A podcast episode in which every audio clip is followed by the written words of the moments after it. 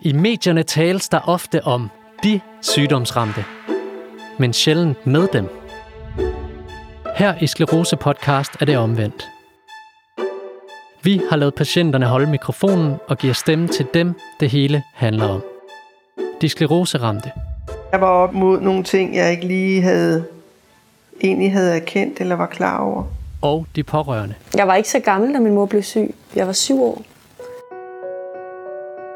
Altså, hun begynder at gå med krykker på et tidspunkt, fordi hun får så dårlig balance. Så kan jeg også huske, at det var, det var mærkeligt lige pludselig at være sådan lidt øh, præ-teenager, og hendes mor går rundt med krykker, som om hun er gammel. Når alle de andres forældre bare kommer springende og løbende og hjem fra spændinger og så videre. Så man mister det der sådan stærke forbillede, som hun førhen var. Og det synes jeg, det var også forbundet med noget skam og noget, der var pinligt. Sæson 2 af Sklerose Podcast bliver både mørkere, men også lysere end den første. Vi tager fagntag med døden. Spørg, hvad der er op og ned i internettets myriader af myter og fakta. Sammen rejser vi dybere ind i sindet. Men bare rolig, der er også masser af livsbekræftende historier i vente til dig. Altså, jeg sammenligner nogle gange det med at få sklerose med, at man havde et puslespil med 5.000 brikker, og nu har man et puslespil med 500 brikker. Men det er jo ikke det samme, som man ikke kan lægge et billede. Sklerose Podcast produceres af KHAG, Podcast Made By, og udgives af Roche AS.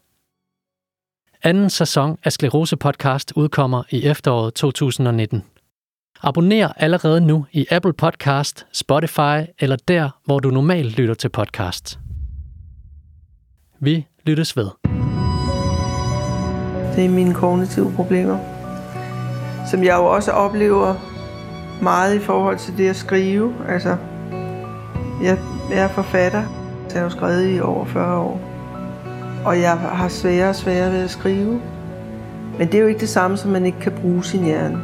Der er jo masser, heldigvis, at trække på. Så man kan sige, at det jeg lærer, det er, hvad jeg er op imod, og hvad jeg ikke kan ændre på. Og så lærer jeg nogle strategier til, hvordan jeg så lever med det og håndterer det, og får det ud af livet, jeg gerne vil